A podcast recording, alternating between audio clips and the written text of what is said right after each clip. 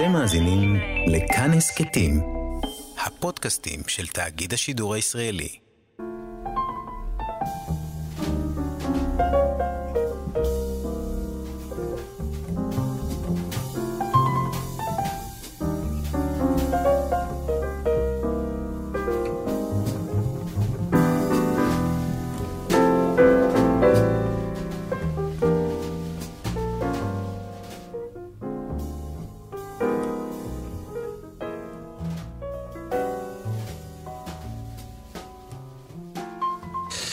שבת שלום. צהריים טובים. ברוכים הבאים להתבודדות, כאן ברדיו, כאן תרבות. באולפן יאיר אסולין ועמיחי חסון. ביומו הראשון של החורף. ב... או לפחות אה, בציפייה. הניק- ניכר, כן, זה כן, מתחיל. כן. האמת היא, בדיוק יש היום אה, את בתים מבפנים בירושלים. רציתי להגיד על זה משהו, הייתי בזה אתמול. אה, במה היית? הייתי, אני ב... הייתי בה בפיל ב', אה. הבית של אה, מקודשת. אתה יודע שנגיד זה באבו תור, אה, אה, ממש משקיף על אה, על מזרח העיר כזה. כן, זה ממש בקו התפר שם, בתקופה האחרונה. אני-. זה היה בעצם החניכה הרי של הפיל ב', זה אה. נקרא, זה היה פעם ראשונה שזה נפתח אה, לאנשים. ובעיניי אחד המרחבים הכי מעניינים, אני אגיד ככה בשביל הגילוי הנאות או לא, שכאילו בתקופה האחרונה אני משמש שם כ-thinker in resident זה נקרא, וקורה שם איזה ביאבוע מטורף של הרצון הזה לקחת תרבות ולעצב איתה את העתיד, וזה סופר מעניין, ויש אגב נגיד שיש עוד יומיים, אני חושב, נכון, היום יש ומחר, היום ומחר, ויש, האמת היא, מקומות ויש דברים, מקסימים. דברים נהדרים. אבל נזכרתי בזה, כי חשבתי. שגם בפעם הקודמת, אי אז לפני שנתיים, אה, כי קורונה לא ביטלה את זה, גם אה, היינו פה ביום שישי נורא נורא גשום, ומכל הימי והיה שישי בתים בכדור בפנים? הארץ, זה היה בתים, כאילו, אה, אחרי חודש. יש, לא, אבל אתמול בירושלים לא היה. גשם. היה ככה צחיח כזה אפילו. אבל לפחות לפי התחזיות, אה, זה אמור להתגבר. גם בירושלים, תמיד כן, בירושלים, אני זוכר כאילו משנות חיי בירושלים, מה שנקרא, שתמיד מבטיחים בגשם בכל הארץ, ואז אתה נמצא בירושלים ו... ש- כאילו קר לך, אבל יבש, כן. כן. אה, לא יודע, אני מקווה שלא, כי לי יש אה, לו"ז אה, רציני לשישי שבת, אז אתה מקווה שלא יהיה גשם. אני מקווה שלא גשם, כדי שנספיק ללכת ברגל לכל המקומות שאנחנו אה, רוצים כזה, ללכת זה. כאילו... אה, זה נורא נחמד. אני לא יודע, אני מפציר אין- לי אין שום גילוי נאות כי אני לא קשור לסיפור הזה. זה. פשוט שווה לכם לעקוב ולראות מה שנשאר כרטיסים או מה שיש בתים פתוחים. לא. אני חושב שרובם פתוחים ממש, לא? חלק, חלק זה סיורים לפי, תפורים לפי מידותיהם. אתה זה הם, כאילו אה, תפור עליך, על הקונספט זה. הזה של בתים בפנים. אתה כאילו, כשהם חשבו מי קהל היעד, כאילו שמו את התמונה שלך בדבר הזה. אמ, היה, אני חושב שמכל השבוע שעבר לידי, אני חייב להודות, כאילו, אני מנסה לח- לחשב אותו, נשארתי עם המחשבה לסיפור אה, הזוג, אה, הזוג וטורקיה. כן. מחשבת אה, כמה מהר כאילו זה הפך להיות אה, סקנדל בסדר גודל של רון ארד, נכון? מהמם. כאילו אם לא, אם לא נציל אותם אה, מחר בבוקר הם יישארו באיזה אקספרס של חצות עד אה, כן. אולי ממשלת אה, נתניהו ג'וניור עוד 50 שנה תצליח לשחרר אותם מהכלא הטורקי. לבין ה... לא יודע, הפשטות כמעט, לא יודע אם פשטות, אבל המהירות והיעילות שהעסק הזה אה, אתה, נפתר. כ- אתה כאילו מציף משהו שבעיניי הוא, הוא באמת היה הפיל שנמצא בחדר כל הזמן. הרי אתה רואה כביכול הסיפור, זה סיפור של שניים שעשו משהו שהיה אסור לעשות אותו, עיכבו אותם נגיד שם, אמור להיות איזה משפט, משהו זה, ואז אתה רואה מדינה שלמה נכנסת לטירוף. אבל הפיל שבחדר הוא השאלה היא למה היא נכנסת לטירוף. אז יש, כאילו, אנחנו תמיד נוטים להסביר את התשובות הרגילות, כי יש לנו ערבות הדדית ואנחנו כאלה מדהימים וזה, אני לא בטוח שזו התשובה הנכונה. אני לא יודע מה התשובה הנכונה, אבל אני חושב שיש שם משהו הרבה יותר עמוק מה... ממה שידוע לנו, נגיד את זה ככה. התשובה הנכונה לדעתי קשורה פשוט ל- לשעמום. אני לא חושב שזה קשור לא? לשום, אני חושב שהמערכת... שאין משהו, אין משהו אחר מעניין שקורה. זה אולי בשיח, זה אולי, בס... זה, לא, זה, זה יכול להיות. זה השיח הציבורי, זה ה... רואים את זה הכי חזק הרי מאז שארץ נהדרת חזרה. השעמום שם ניכר יותר מבכל אין- מקום אין אחר. מה לעשות, כן. כן, הכל ריק, זה כאילו, הם הולכים. אין כאילו, זה ממש לקחו את ה... אתה יודע, כאילו, הוציאו את הליצן מהאירוע, ואז נשארת כאילו לבד. המסיבה, המסיבה אנשים- בלי אנשים עם הדי-ג'יי. הבמבה בתוך הפה, בדיוק, אבל הדי-ג'יי כאילו ברח. אבל שאלתי אותך למה המדינה נלחצה כל כך, ולמה כל המערכות, יש שם דבר שהוא, עוד יכתבו עליו לדעתי, עוד, עוד נגלה עליו גילויים. אה, וואלה. אני ככה, שוב, בלי שום ידיעה, בלי שום דבר, יש פה פער אדיר בין הסיטואציה, אני זוכר את הבחורה הזאת שהייתה בדרום. אמריקה, אה. לא, דרום אמריקה איזה שנתיים עד שחילצו אותה, שהייתה שם איזה מישהי שגם. זה, או אפילו נעמה יששכר, בהתחלה זה התחיל כמשהו רגיל כזה, היה משפט, היה זה, ואז כאילו, פה היה לחץ מאוד מאוד כן. גדול, שהוא, נגיד ככה, ברמה הפחות מטרידה שלו, הפחות כבדה שלו, זה היה ניסיון לייצר איזה הישג, אה, מדיני להפוך את בנט כן. כביכול, למרות שאיכשהו הוא דר, הוא כאילו לא, נוכ... לא יודע, נוכח משהו, בסיטואציה, אני חייב להגיד שאני- הרמוני בדרך אה, התנהלות. זה דווקא בעיניי היה יפה. כן, אני לא, לא שופט את זה, אני רק אומר שכנראה יש שם משהו הרבה יותר אה, עמוק מזה בסיטואציה הזו. מה שנקרא עוד נעקוב, פינת הפולו-אפ כן, שמעולם לא הוגשמה. אה, טוב, אנחנו נהיה עם אה, לא מעט דברים, אה, מתים וחיים, אבל אה, נתחיל... הזויים ב- ולא הזויים. הזויים ולא הזויים, כן. אבל נתחיל ב... עשית פה איזה חיבור, את סיפור אה, יעקב ולבן אני מכיר, אבל... אה, קודם כל, אני רק נגיד את ה- The Shrink Next Door, ראית, לא ראיתי, לא ראיתי. שמעת את הפודקאסט, כן, משהו? שמעתי קצת, אבל לא ראיתי אוקיי. את הסדרה. אז אני רוצה, אני אני אספר, גם בשבילי נכון, כן, על כן, מה כן. מדובר. אני אספר אה, קצת על איזושהי סדרה שעלתה באפל TV, אני חושב, נכון? והיא מבוססת על אה, פודקאסט שמבוסס על סיפור אמיתי, שנקרא The Shrink Next Door. ובעצם מספר את, את סיפורו של מרטי מרקוביץ, ש... יהודי. יהודי, כולם יהודים בסיפור הזה, ראוי לומר, חלקם אפילו עם כיפות, שהולך להתייעץ אצל איזשהו פסיכיאטר, הוא יורש, שנה לפני ההורים שלו מתים, והוא יורש מהם עסק ענק וכמה בתים וכולי, והוא נהיה אדם עשיר, אבל אה, שזה אחד הדברים המעניינים בסיפור, הוא עשיר אבל הוא לא הכי עשיר. אוקיי? הוא כזה עשיר... אה, עשיר לא- לייט. עשיר רגיל, עשיר רגיל. אוקיי? הוא לא משהו יוצא דופן, הוא, הוא פשוט לא בן אדם- טייקון. הוא כאילו. לא טייקון, הוא אדם עם כסף. אוקיי. והוא הופך להיות מנהל העסק, שהוא יורש מפעל טקסטיל, והוא בחרדות ובלחצים וכו' וכו' וכו', והוא הולך לפסיכיאטר, ש... שנקרא אייק, והוא, בעצם נוצרים בין, נוצרת ביניהם מערכת יחסים כזו, שבמשך 30 שנה, בצורה כזו או אחרת, הוא הופך להיות, אה, אייק הופך להיות הדבר היחיד בחייו, אוקיי? וזה- מעבר למנטור כאילו? מעבר ו- למנטור הוא הופך להיות הנשיא של החברת טקסטיל שלו, אה, אוקיי. הוא, יש לו בית בהמפטונס, אז בעצם חלק מהזמן לפחות אייק גר שם, השם של אייק ושל אשתו הוא השם על הדלת, אוקיי? הוא גר במרתף, אה, מרטי מרקוביץ. אה, כל הבית מלא בתמונות של אייק עם סלבס, כי... לא כי הוא היה כזה ידוע, אלא כי הוא שכנע את אה, מרקוביץ' לעשות, להקים קרן ביחד משותפת שתגן על הכסף שלו, כי הוא כזה אדם עריר- ערירי. יש לו אחות שהוא מתנתק ממנה באיזשהו שלב, אולי ניגע בזה זה, ואז מקימים קרן, ומתוך הקרן הזו הוא קונה שולחנות בכל מיני דינרים, ואז הוא מזמין להצטלם שישבו, אה, מצטלם עם. הנשיא כזה. מצטלם, כן, בדיוק, הנרי קיסינג'רים כאלה, וגם דוגמניות, ולא משנה כזה איזה עולם.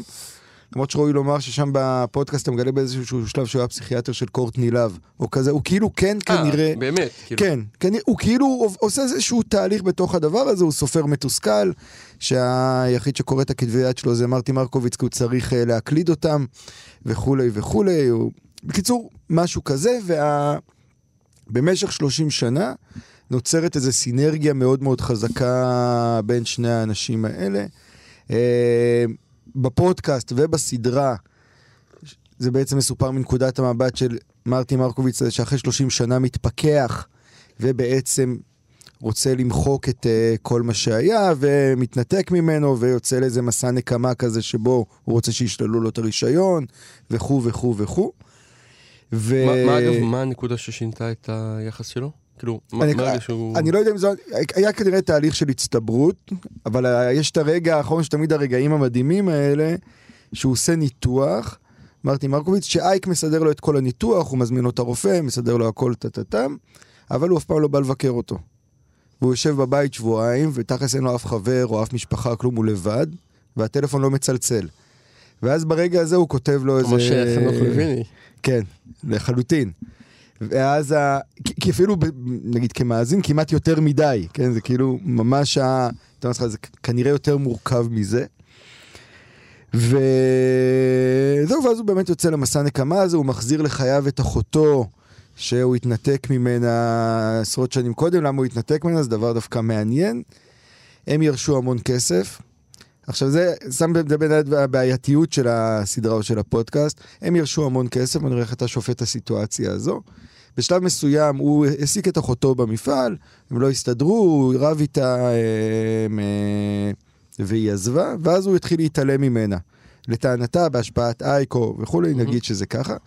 ואז כדי למשוך את תשומת ליבו, כן? שים לב מה היא עשתה.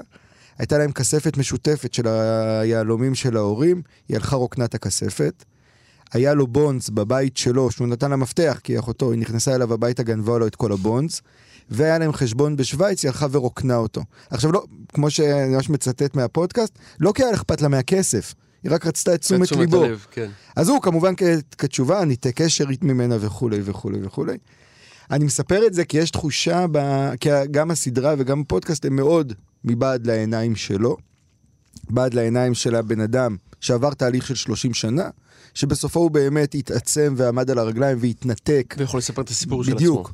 התנתק מהבן אדם שבעצם הצמיח אותו בצורה כזאת או אחרת, אני לא נכנס בכלל לשיפוט, ברור שאתית וכולי, זה גם סיפור מסריח וגם סיפור בעייתי. סופר בעייתי. זהו, בעייתי זה כאילו understatement. כן. אבל אני רציתי לספר, רציתי לחבר את הסיפור הזה ואת ה... את המהלך הזה, אגב, שאני מאוד ממליץ להקשיב לפודקאסט, כי הוא... יש משהו בדמות הזאת, במרטי מרקוביץ הזה, שהוא... אני חושב שאולי יש, אולי הוא קצת, אה, יש לו איזה בעיה של אינטראקציה בין אישית, מה שמאפשר דווקא כאילו לקבל הצצה ממש פנימה לתוך הנפש שלו. למשל, הוא אסף כל צ'ק שהוא אי פעם הוציא כאילו. יש לו את כל פירוט השעות שהוא ישב לאורך השלושים שנה, כן, תוך כדי שהוא כאילו במצב של אה, כן. חוסר מודעות, כל מיני קומבינות של מיסים, שחלק הוא שילם מהעסק וחלק מפה. הכל מתועד, אתה אומר. הכל מתועד ברמה, ברזולוציות מטורפת. והוא היום מחזיק את הארגזים, זה כאילו, ה... אני יודע, בני הערובה שלה, שלו מהסיפור ההוא. ושבוע שעבר האמת רציתי לדבר ולא נפגשנו, כי... וזה נכון גם לגבי פרשת השבוע של השבוע. יש איזו תחושה שכשאתה מספר סיפור כזה למשל, מבעד לעיניו של מי שהיה חלש והפך להיות חזק, אתה נוטה לשכוח שהוא פעם היה חלש. כלומר, אתה נוטה לשכוח שפעם מערכת האיזונים הייתה אחרת. מה הכוונה? זה ממש הדהד לי שבוע שעבר. יש את הרגע הזה בפרשת השבוע שעבר, שלבן, יעקב בורח, מ... יעקב ממצה. אחרי הרבה שנים, הוא התחתן, יש לו משפחה. זה גם, גם understatement. כן. יש לו משפחה, יש לו כסף, הוא הסתדר. הוא צריך לחזור. הוא, הוא, הוא מחליט... אגב, זה גם שאלה לגבי הטקסט שם. כי יש שם דבר שאני אף פעם לא קראתי עליו פרשנות, אבל תמיד הוא מטריד בעיניי. ש... הרי התורה, כשיש חלום, היא בדרך כלל מתארת לנו את החלום. פה היא לא מתארת את החלום. היא מספרת לנו על יעקב, כן. מספר לנשים שהוא חלם חלום שאומר לו לחזור. אבל אף פעם כן. לא שמענו את אלוהים אומר לו באמת לחזור. כן? זאת אומרת, אולי יש פה איזה מניפולציה. אני לא, אני לא יודע, יש פה איזה... פעם היחידה שאני מכיר בתורה שמישהו מספר למישהו חלום, ואנחנו לא רואים את החלום עצמו בתוך הטקסט. אני... אה, אבל בעומק לא משנה, יעקב החליט שהוא רוצה לחזור, שהוא צריך לחזור, אלוהים אמר לו לחזור, זה לא משנה, והוא בורח. ואז אתה ממש רואה את ה... היחיד, ש... היחיד שכואב לו מהסיטואציה זה באמת לבן. כלומר, היחיד שמשתמשים עליו בביטויים רגשיים בטקסט זה לבן, גנבו לו את הלב, הלב שלו נשבר וכולי וכולי. ואז יש את הרגע הזה שהם כן. נפגשים. וכאילו זה פעם ראשונה שיעקב נכנס בלבן. פתאום כל מערכת האיזונים ביניהם משתנה. לבן כאילו רודף אחריו, ואז אלוהים מתגלה ומגיע, ופתאום יעקב הוא החזק ולבן הוא החלש. וברגע הזה, לפחות לי זה תמיד אה, הפריע, ואני חושב שזה גם משהו שהוא, היהדות מתקנת אותו אחר כך לגבי מצרים. אבל שפה בזה, מה זאת אומרת? עוד רגע אני אגיד אוקיי. מה הפריע, ואז אני אגיד איך היא מתקנת את זה. יעקב לא מכיר תודה ללבן על זה שכשהוא היה חלש, שהוא היה no one, שהוא היה באמת פליט ברמה הכי עמוקה, בן אדם שהבית שלו הקיא אותו החוצה, הוא נתן לו מקום. עכשיו, לא משנה מה האינטרסים, והפרשנים משקיעים הרבה אנרגיה בללכלך את האינטרסים. זה לא משנה, העובדה היא שבמשך עשרות שנים, הוא היה בן בית אצל הדוד הזה שהוא לא הכיר אותו, ופשוט קיבל אותו כמו שהוא ואפשר לו לצמוח ולהתפתח וכולי וכולי וכולי, עם שוב, עם כל הבעיות האתיות האינסופיות שיש בדבר הזה, עם כל המניפולציות וכולי. ואני חושב שכשאנחנו עושים את זה, אנחנו גם אגב ב-The Shrink Next Door וגם זה, אנחנו מפספסים משהו מאוד מאוד עמוק, גם אגב ביכולת של בני אדם לקחת אחריות על המעשים שלהם, נגיד בהקשר של ה- The Shrink Next Door, אז הוא כל הזמן חוזר שם על זה, שהאייקה הבטיח לו, אמר לו, אני אדאג להכל. וזה מאוד הרגיע אותו, את אה, מרטי מרקוביץ, אבל הוא לא, אני לפחות בראש שלי אומר, איך הוא לא שאל את עצמו, מה זאת אומרת, למה שהוא ידאג לך להכל? כלומר, אתה כולה לקוח, מה... כן. מטופל וכולי, לא משנה. למה שהוא ידאג לך להכל? כן, והוא באמת דאג לו להכל, כלומר במשך 20-30 זה שנה. אחלה דיל שמישהו ידאג לך להכל, אני אגב אה, מהעניין. רק אם אתה נותן לו את הבית שלך אה, בהמפטונס לא, וגר. במרתף- במרתף מרתף. שם. אבל יש איזה רגע כזה שבו כשאתה חלש, אתה כאילו מוכן לקבל המון המון דברים, ואז כשאתה חזק אתה שוכח שהיית פעם חלש. ואני חושב שזה איזשהו עיוות שהוא הוא גם לא, הוא לא, הוא לא מוסרי מהצד השני. כלומר, אפשר לשפוט את הסיפור זה לא הזה. כאילו וישמן ישורון ויבעט אה, קלאסי? לא, אני לא חושב שזה וישמן ישורון ובעט, כי אני לא חושב שמרטי מרקוביץ זה שמן ובעט, אוקיי? אני לא חושב שיעקב שמן ובעט במובן הזה שהוא עשה משהו לא נכון. אבל יש את הרגע הזה שכאילו בו אתה צריך לחתוך, ואז אתה כאילו הולך לאקסטרים השני, כי אחרת איך תחתוך, שאתה בעצם מוחק את הבן אדם שעשה איתך חסד באיזשהו שלב. כלומר, אני, למה אני אומר שהיהדות מתקנת את זה? כי כל היחס של היהדות למצרים, נגיד, נובע מהמקום הזה, המצרים ניצלו את היהודים, הכל הכל, אבל קיבלתם לרגע כן. מקום. וזה, יש רגע ברומן שלי עם אני, שהיא עוזבת אותו, ואז אה, היא אומרת לו, הפסיכולוג שלי, אמרה לי שזה, ואז הוא אומר, אני מימנתי לך את הפסיכולוג. כן. כאילו, וזה רגע של חוסר מודעות כזה, שאני לפחות, עבורי זה תמיד איזה דבר שגם מקפיץ אותי רגשית, וגם, נגיד, כשאתה שומע את הפודקאסט זה מאוד מאוד חזק, אתה רואה את החד צדדיות הזו של הבן אדם, שבסדר, התפכחת, אחלה. אבל 30 שנה נדבקת, כאילו, היית שם, עשית יש- את הדברים. אתה מדבר וכאילו מה שעולה לי בראש זה שיחה שניהלנו פה לפני כמה שבועות על תמונות מחיי נישואים.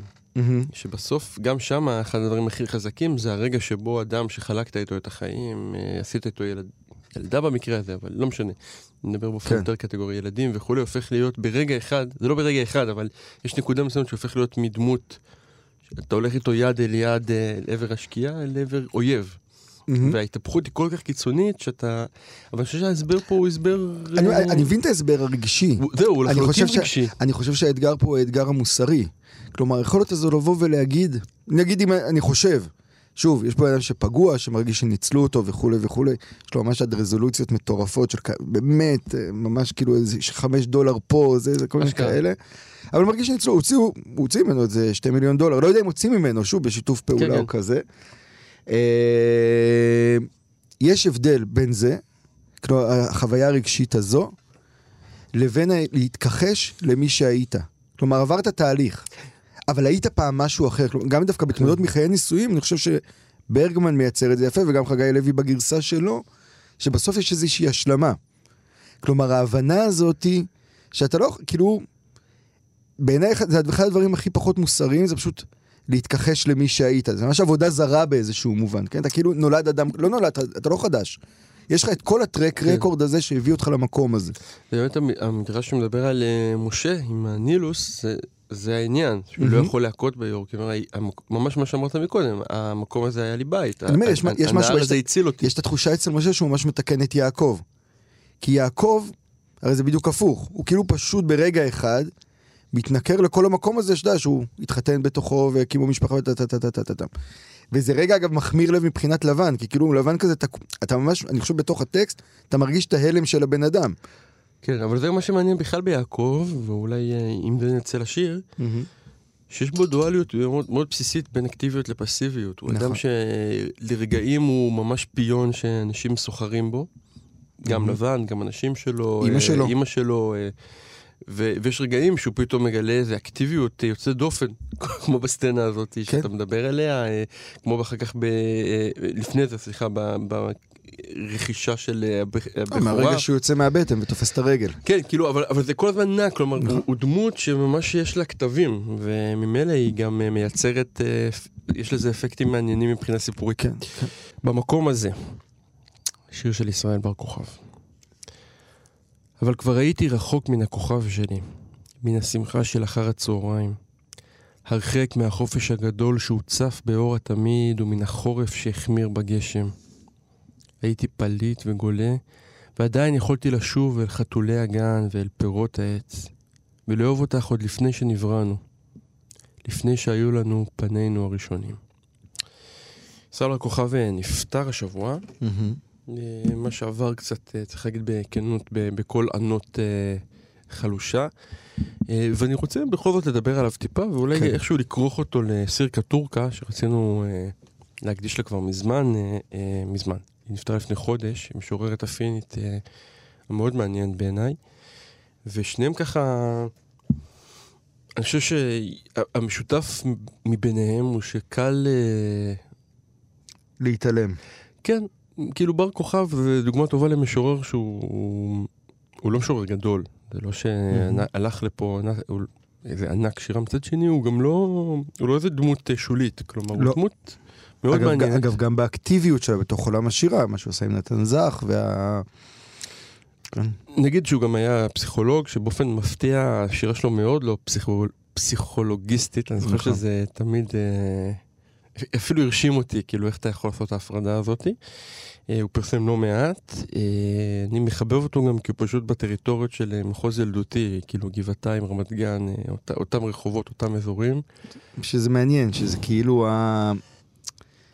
איך שאפיינת אותו כמשורר זה בעצם גבעתיים ורמת גן אל מול כן, תל אביב. מול תל אביב, בדיוק. הוא, לא, בדיוק הוא ה- לא בסיפור המרכזי, הוא, הוא הוא בשכונה. ליד, בדיוק. הוא בגבעה שמשקיפה על זה. כן. אה, אבל אני חושב שזה לא סיבה ל- ל- להתעלם ממנו. וסירקה טורקה... ב- רק, ב- רק אני אגיד אולי שזה לא... בהרבה מובנים, ה... יש... ברמת גן, ברמת גן המטאפורית הזו של השירה, קורים לפעמים דברים הרבה יותר מעניינים ממה שקורה בתל אביב. כלומר, מבחינת במרכאות. כלומר. גם, בסיר... גם אצל סירקה טורקה וגם אצלו, אני חושב, ולא, וב... בצליל הזה, או ב... לא יודע איך לקרוא לזה, במשלב הזה, היותר כאילו חיוור או צבעי אה, פסטל כזה. אה, אני חושב מתנסחים שם המון דברים שדווקא בווליום הגבוה של ה-so called תל אביב הולכים לאיבוד.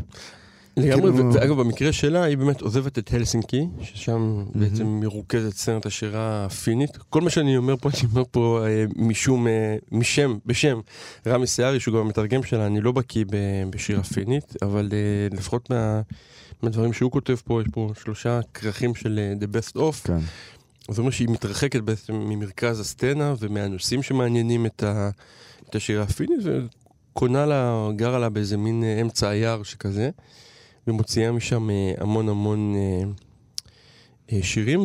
ואני רוצה להביא עוד משורר שבעצם עונה לה, ובמובן מסוים גם עונה לישראל בר כוכב.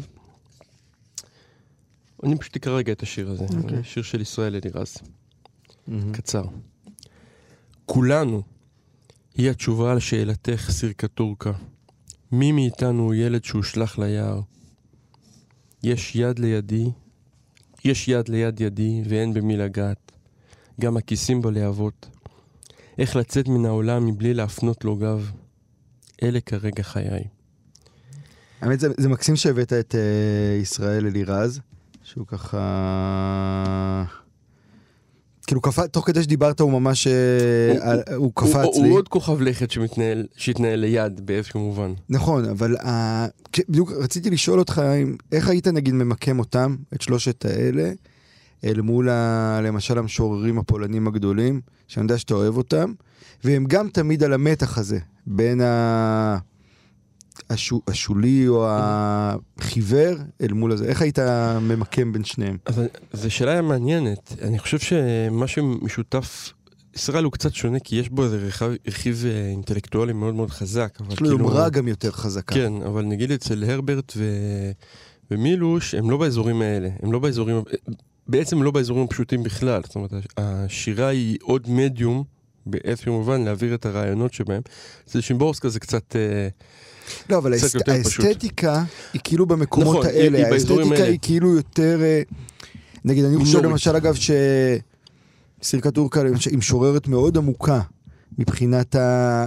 אגב, היום זה מדהים שבהפוך על הפוך, אפרופו כל הדיונים סביב משבר האקלים וכולי, יש משהו ברעיונות שהיא מציגה, או בחוויה הקיומית שהיא מציגה, שהופכים להיות פתאום מאוד רלוונטיים וקיומיים, לא רק כאלה שנמצאים בשוליים. כלומר, אני לא חושב שזה בעיקר, בהכרח הנגדה לעומק או למורכבות או לרעיונות, לא, אלא לא שאל- לעומק, שאלתי על השפה לא. האסתטית כן. הזו. אני, אני כאילו דווקא, מה שנורא תופס אותי, ואני חושב שלא סתם אה, לירז כאילו לקח את השאלה הזאת של אה, סירקה טורקה, מי מאיתנו ילד שהוא ישלח ליער, והכיל אותה על עצמו, ואני חושב שכשקוראים את השירה של בר כוכב, מה שאני בעיקר זוכר ממנה, זה את חוויות הילדות הלא פשוטות שלו. אה, ויש לשלושתם איזושהי מין תחושה, אתה יודע, יש את ה... איך אני אגיד את זה?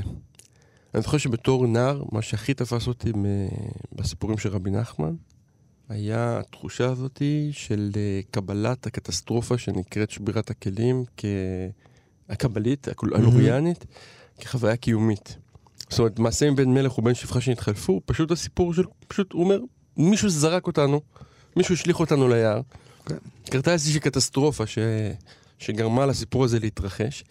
ועכשיו כל החיים אנחנו נצטרך... אה, לא, זה- זה מה ש... לא, אמר את זה 100 שנה אחריו, או 150 שנה, וזה היידגר מפורש. האדם נולד ברגע שהוא מגורש מגן עדן. כן, הגירוש הזה, הדלת, השער שנטרק השער מאחורה. שנטרק ואתה עוד- שומע את, אה, את שעון הטריקה. ה- ואתה עוד זוכר מה היה שם, ואתה פתאום עומד מול הדבר הזה שלא הכרת אותו מעולם. וזו חוויה מאוד מאוד אה, קשוחה, וכל אחד מהם, במקרה של בר כוכב ושל אה, סירקה טורקה שאנחנו עוסקים בהם, התמודד עם זה אחרת. כאילו, אם סירקה טורקה ברחה מהעולם בהמון מובנים, וחזרה לאיזה מקום, זה גם מה שאני אוהב בשירה שלה, שהיא קצת פגאנית, שהיא קצת... אה, היא חוזרת לאיזה יס- יסודות כאלה ש... אתה יודע, זה תמיד מעניין נורדים באופן כללי, הפער בין ה... הציבור לא רואה איך ה- לא, איך אתה רק איך אומר נורדים. החיוך אה, עולה. כידוע, אני כנראה איזה גלגול אה, כן, של איזה ויקינג. אבל זה בדיוק הנקודה, כאילו, אתה חושב על הטרנספורמציה של אומה שעברה מוויקינגים, על כל מה שהוויקינגים, אה, אפילו על האסתטיקה הוויקינגית, כן? לסירקה טורקה. לסירקה טורקה, לברגמן, ל... ממש, כאילו, אתה מסתכל על תרבות אה, סקנדינבית, מהמם. יש בה המון אופל עדיין, אבל כאילו הם מאוד התרחקו מהמרחבים המיתיים האלה, ש... שסירקה טורקה כן חוזרת אליה. מעניין. ואצל בר כוכב, כאילו, ה... גם, גם הוא בסוף בוחר, אולי נקריא עוד שיר שלו ככה קצת, אה, קצת להשעות אותו בינינו. אתה יודע, כזה שאתה מדבר, אני חושב על זה שהחלוקה הזאת שנוצרה בשיחה הזאת בין הרמת גן לתל אביב, היא גם קצת בין האלה ש... אולי זה לא מאה אחוז נכון, אבל פשוט אני חושב, שאני חושב, נדמה לי שהשבוע הזה היה הרצאה ל- של אלי מוהר. וואלה. ואני חושב שיש את האלה ה... שנולדו במקום שהם חיו בו ומתו בו, כן. ו- והיה להם בסדר. כלומר, תמיד תראי, מוהר יש לו את הציטוט היפה הזה, שהוא אומר, אני ואריק איינשטיין ואחרים היינו כאלה שלא היה לנו רע בילדות, אז נשארנו בה. כאילו כל הנאיביות כן. הזו שלה, אל מול כאלה שבאמת כאילו הילדות היא משהו שהיה היה צריך להתמודד איתו. נמצאת איתו. אגב, אולי באמת נקרא, נקרא עוד שיר של אה, בר כוכב. גרזן. האב יורד מן ההר, עוטה גופייה לבנה של עטה. גרזן אדום בידו, בידיו המגידות. אין לשאת את המראה, פניו בוערות שהוא יורה את עשרת הדיברות. ואני רוצה קצת כאילו, אה, רק להזכיר. להפנות את הזרקור לרגע אחד, כן. כן, כי הוא, הוא, זה, יש, זה ישטוף, סירקה טורקה לא התירה פה סימנים אה, גדולים בישראל, אולי בצדק. למרות שזה ביחס, דבר אה, מדהים שיש שלושה ספרים מתורגמים שם- שלה וממש ספרים עבי כרס, כלומר ממש כן. מבחרי... נבחרים. כן. רמי סערי זה פרויקט מעניין, דיברנו פה נכון. על זה בין השירים. אה, אני רוצה שנדבר טיפה על התערוכה של אה, קוסאמה במוזיאון תל אביב. אני חושב שלפחות לפי כמות האנשים שהזמינו כרטיסים לא צריך לתת שום הקדמות ולהסביר על מה אנחנו אבל מדברים. כדאי, אה, ואני אגיד, אתה יודע אה, שהקהל שלנו הרבה יותר רחב מזה. כמובן, מזה. או אחת האומנויות העכשוויות החשובות בעולם, אה, יפנית אה, שחיה כבר, לא יודע, 30 שנה, לפחות המיתוס אומר שהיא חיה כבר 30 שנה בסוג של בית משוגעים, ממנו היא יוצאת בבוקר וחוזרת בלילה, יש לה סטודיו של... אף על פי כן יש לה סטודיו של לא יודע כמה עשרות אנשים שמגשימים את הפנטזיות ה- של הפועל. אה, התחילה במקומות מאוד אוונגרדיים, לאט לאט הפכה להיות סוג של אה, אומנית פופ. והאמת היא שאחד הדברים הכן מרגשים, אני חושב שזו תערוכה ששווה לראות אותה, זה, Mhm. זה בוודאי. ולו רק אה, בגלל התחושה הזאתי, התחושה קצת פרובינציאלית, אני חייב להודות, אבל מה אני אעשה, היא, היא של היא העולם. הגדול שהגיע לפה. ש, שאתה חווה אותו בזמן אמת, כלומר, כאילו זה לא ש... בוא נגיד ככה, הסדר הטבעי של הקיום היה שעוד עשור נגיד, אחרי שכבר כל הסיפור לא הזה תערוכ- זה ייגמר. לא תערוכה שנעצרה במיוחד במוזיאון תל אביב. כן, כן? למוזיאון תל אביב ולעוד אה, מוזיאון אה, אירופי, אוקיי, אני לא זוכר אוקיי, בדיוק איזה, אוקיי. אבל האמת היא רט- היא רטרוספקטיבה מדהימה. כלומר, אני חושב שאחת, ה- אני לא יודע מה עשו במקומות אחרים, אבל אתה באמת מצליח להקיף שם את כל הקריירה שלה. זה מתפרס על שתי החלקים של המוזיאון. שם ארבע חדרי הצצה וכל המיצבים הגדולים, זאת אומרת, ממש מעניין. היא, היא מכסה את הכל, והיא קורית בזמן אמת, כלומר אתה, אתה רואה פה את הדבר בשיא שלו, ואתה גם רואה את השיא, נגיד בניגוד לג'ף קונס, נגיד הפופ הקודם שהיה במוזיאון תל אביב, שראית, נו, בסדר. איזה נגיעה קטנה כן. ולא מאוד משמעותית אה, מגוף העבודות שלו, לטוב ולרע. אה, פה יש כאילו באמת אה, חוויה שהיא כמעט שלמה, אתה מרגיש שאתה. הגעת לארוחה עם אה, מתאבנים, אה, מנה מרכזית וקינוח, ו- וזה לבד. אבל אה, אה, יש לי כשאתה הולך לתערוכה כזו. עוד עוד רגע, כן. אבל כשאתה הולך לתערוכה, מה בעצם אתה, מה אתה מצפה לקבל? אז אני אענה לך, על זה בדיוק מה שבאתי להגיד. אה, יפה, שאני חושב. יש לי באמת שתי הערות בלבד על התערוכה אה, משמעותית, וההערה המרכזית היא, בעצם על החוויה. זאת אומרת, אה, בצדק ולא בצדק היא נתפסת כאומנית אינסטגרם. כן, אני קראתי באיזשהו שלב בקטלוג מהמם. שלהם שזה ה- הדבר המתויג ביותר באינסטגרם. ידעת את זה? לא ידעתי שהיא היותר, אבל אני, אני כאילו היכרות שלי ממנה עם המרחבים האלה. האלה. אגב, יש משהו שם, ברור שהיא מתכתבת עם ה... מה שמעניין בה בעיניי, לא ראיתי את התערוכה, אבל מי שככה מכיר אותה מכל מיני מקומות, מה שמעניין בה בעיניי זה העובדה שהיא מייצגת, אתה הפכת אותה, כאילו אמרת שהיא אומנית פופ, אבל היא לא בעיניי. באמת, היא, לא- היא, לא, היא כבר לא, היא, המושג פופ כבר לא יכול להכיל את מה שהיא עושה. כלומר, היא נאו-פופ, לא יודע איך נגדיר את זה, אבל יש מש... היא מאוד מתכתבת עם השאלה של מה זה אומנות בכלל, כן, כן. ואיפה היא קורית, אוקיי? כלומר, האם היא באמת קורית באינסטגרם? לא לגמרי, אני אגיד, אולי המיצב שהכי אה, הכיר אותה לעולם, באמת היה כדורי אה, נרקיס האלה. שהיא עומדת מחוץ לביאנלה של ונציה, היא לא... לא מכניסים אותה כמובן, והיא מוכרת כן. בשתי דולר את ה... אתה חושב על הסצנה הזאת אל מול העובדה שהעבודות שלו היום שוות מיליונים, והיא משתפת פעולה עם כל המשחק הזה. אתה צודק, יש פה, היא כבר באמת מעבר. לשאלה. יש את הספר הזה שנקרא, ספר מאוד מומלץ בעיניי, שמתאר, נקרא משפטי פריז, ומתאר את, ה... את הרגע הזה שבו אדוארד מנה מנסה להתקבל לסלון. סלון זה האירוע, האומנות הגדול של האליטה הצרפתית. הוא מנסה להתקבל לסלון בפריז, והוא כמובן לא מצליח, ואז הם מקימים את ה... את- מקימים את הסלון הדחויים, בדיוק, ועם אמיל זולה שבונה שם את האתוס ואת הרעיונות סביב כל התהליך האומנותי הזה, ואני חושב שמה שאנחנו רואים, היא ייצוג אגב, היא גם כבר מיושנת באיזשהו מובן בייצוג שלה, אז כן, אתה אומר כאילו שזה קורה בזמן אמת, אבל הקצב הוא כל כך מהיר, שיש בה כבר משהו קצת כמו לחשוב על מנה אל מול סזן נגיד, כן. או כזה. וה... אבל זה, זה מתכתב עם אותו רגע, עם אותו תחושה שבה המושגים והאומנות משתנה, ואתה כבר לא יודע מהי האומנות, וזה להיכנס פנימה לתוך הדבר הזה. אז, אז מה שאני יכול להגיד, אה, היה לי את הזכות להיות בסיור חצי פרטי, כלומר היינו Mhm. בלי אה, מדידת זמנים וזה, בפריוויו כזה. ה- מה שלי, אני לקחתי Mhm. משם זה בעיקר את החוויה. ואחד הדברים שתסכלו אותי כחווה, זה כן. שכל הזמן מזכירים לך את האפשרות השנייה. מהי כלומר, האפשרות השנייה? האפשרות השנייה היא ליד כל נגיד תא הצצה, רשום נא לא לדחוף את הפלאפונים עמוק אה. מדי, כי אם הם יפלו, לא נוכל להציל אותם רבותיי. או אתה כל חדר פלאות שאתה נכנס אליו, עקרונית, שוב, אנחנו כן. מחוץ לזמנים, אבל מדוד בזמן, יש לך חצי דקה להיות שם. שחצי דקה אמורה להספיק לסלפי, לעוד איזה תמונה ולצאת החוצה. ויש בזה משהו שמצד אחד הוא מאוד הגיוני מבחינת המערך של המוזיאון, ובאמת צריך להחמיא להם, זה, זה פסיכוזה, בקטע טוב. אבל מצד שני הוא, הוא עלול מאוד מאוד מאוד לעקר את מה שבעצם היא מציעה. זאת אומרת, את ההזדמנות החד פעמית. ברגע שאתה משתחרר מהאפשרות לצלם את זה, מהמם. ברגע שאתה יכול פשוט לשוטט נגיד בתוך החדר פלוט, הוא באמת מפליא. אבל אתה, הוא. אבל אתה יודע שזה מהדהד הרי משהו שהוא... והניסיון המועד לכישלון בהגדרה באיזשהו מובן, של לקחת את הדבר שהקיום שלו הוא בסופו של דבר מחוץ למוזיאון ולדחוף אותו לתוך המוזיאון. כלומר, זה בדיוק מה שאתה מתאר, הרי את... אה, אני יודע מה, הספסלים האלה שאתה יושב מול יצירת מופת אה, שעות ובוהה בה, זה משהו שמתאים לפורמט של מוזיאון כמו שהוא מעוצב היום. ואז כאילו, לא הייתי, שוב, לא הייתי בתערוכה, אבל הדיסוננס הזה בין הצורה של מוזיאון שבנוי לדברים כאלה, לבין עבודות שמצריכות את הקצב באיזשהו מובן, מצריכות? או תפעול שמצריך כן, את הקצב בדיוק. הזה, כאילו מערער את, ה... את את המרחב, או את משקל, ה- ו- ו- הקשר בין צורה לתוכן. כן, אני לא יודע, זה בקיצור, אה, המלצתי היחידה למי שצריך להשיג כרטיסים. ללכת. לנסות- לא, ברור שללכת, זה בלי שום קשר, אבל אה, לנסות ולראות איך לפחות בחלק מהמיצבים, מיצגים, אני אני מדבר בעיקר עליהם, למרות שהתערוכה כוללת גם Mhm. עבודות אה, הרבה יותר פשוטות מנייר ומ... אבל בסוף זה, זה מה שעושה לאנשים, את ה... וגם לי, את החוויה המרכזית.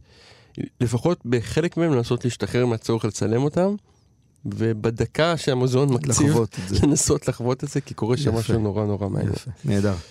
אני רוצה סתם ככה באמת בלי סיבה מיוחדת, בלי סיבה דיברנו הכי קצת. על אה, משוררים שנשארו בשוליים, נשכחו. או שמשהו הגוון שלהם אה, חיוור, ואני ככה, יוצא לי לחשוב לאחרונה לא מעט על נתן יונתן, למה? ש- לא יודע, איכשהו-? זה אפילו כמעט לא מחשבה אקטיבית שלי, כמו שאיכשהו נתקל, לי, ב- נתקל בתודעה שלי, והתודעה שלי נתקלת בו בכל מיני צורות. ועדיין אני כל הזמן חושב על הפער המדהים בין ה... אולי אחד המשוררים הכי מולחנים, דמות כזו שהיא, כאילו כולם מכירים אותה, וה... וה... אבל הש... בעולם השירה היא פשוט לא קיימת.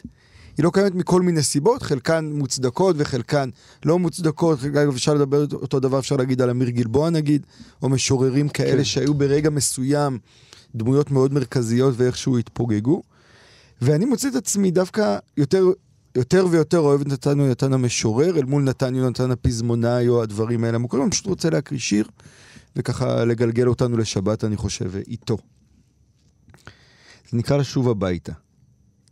לשוב הביתה מהמונו של אינטרנציונל הנודדים, הוונגבורגים, בני בלי בית, מגלי הארצות, הרעבים לאהבה זרה, לאוזן אלמונית. לומר וידוי שמחכה בחושך זה שנים. להיפרד מהאלמוניות המפתה, ממדוכי השווא של מבטים גנובים, מהכאב המנחם של הידיעה כי לא נחזור לראות את אלה לעולם. לחוש עד עומק הנשמה את נצח חד פעמיות הרגע, איך הוא גואה, מפלס געגוענו שבנפש, מפלס געגוענו שבנפש. למחות כבכי מעינינו את גשמיה של נורבגיה, את המונסונים של בנקוק. תני לי יד, כבר נוחתים. גומעים את המסלול. אל תפחדי אהובתי, זה בוקר והבית. גם ציפורים שוות ככלות הכל, ואור במקורן, וגם הרוח שב על סביבותיו. זה באמת שיר יפה. זה שיר יפה. הוא גם אה, מתאים אה, להיפרד איתו לשבת, והוא הביא לך קצת מחווה נורדית. ולרוח רוח מן רוח הצפון. נורדית, כן. תודה לאן דבלפרין שערך והפיק. אנחנו אה, שבוע הבא נהיה פה, וגם נהיה בחנוכה כבר, נכון? חנוכה זה, נהיה.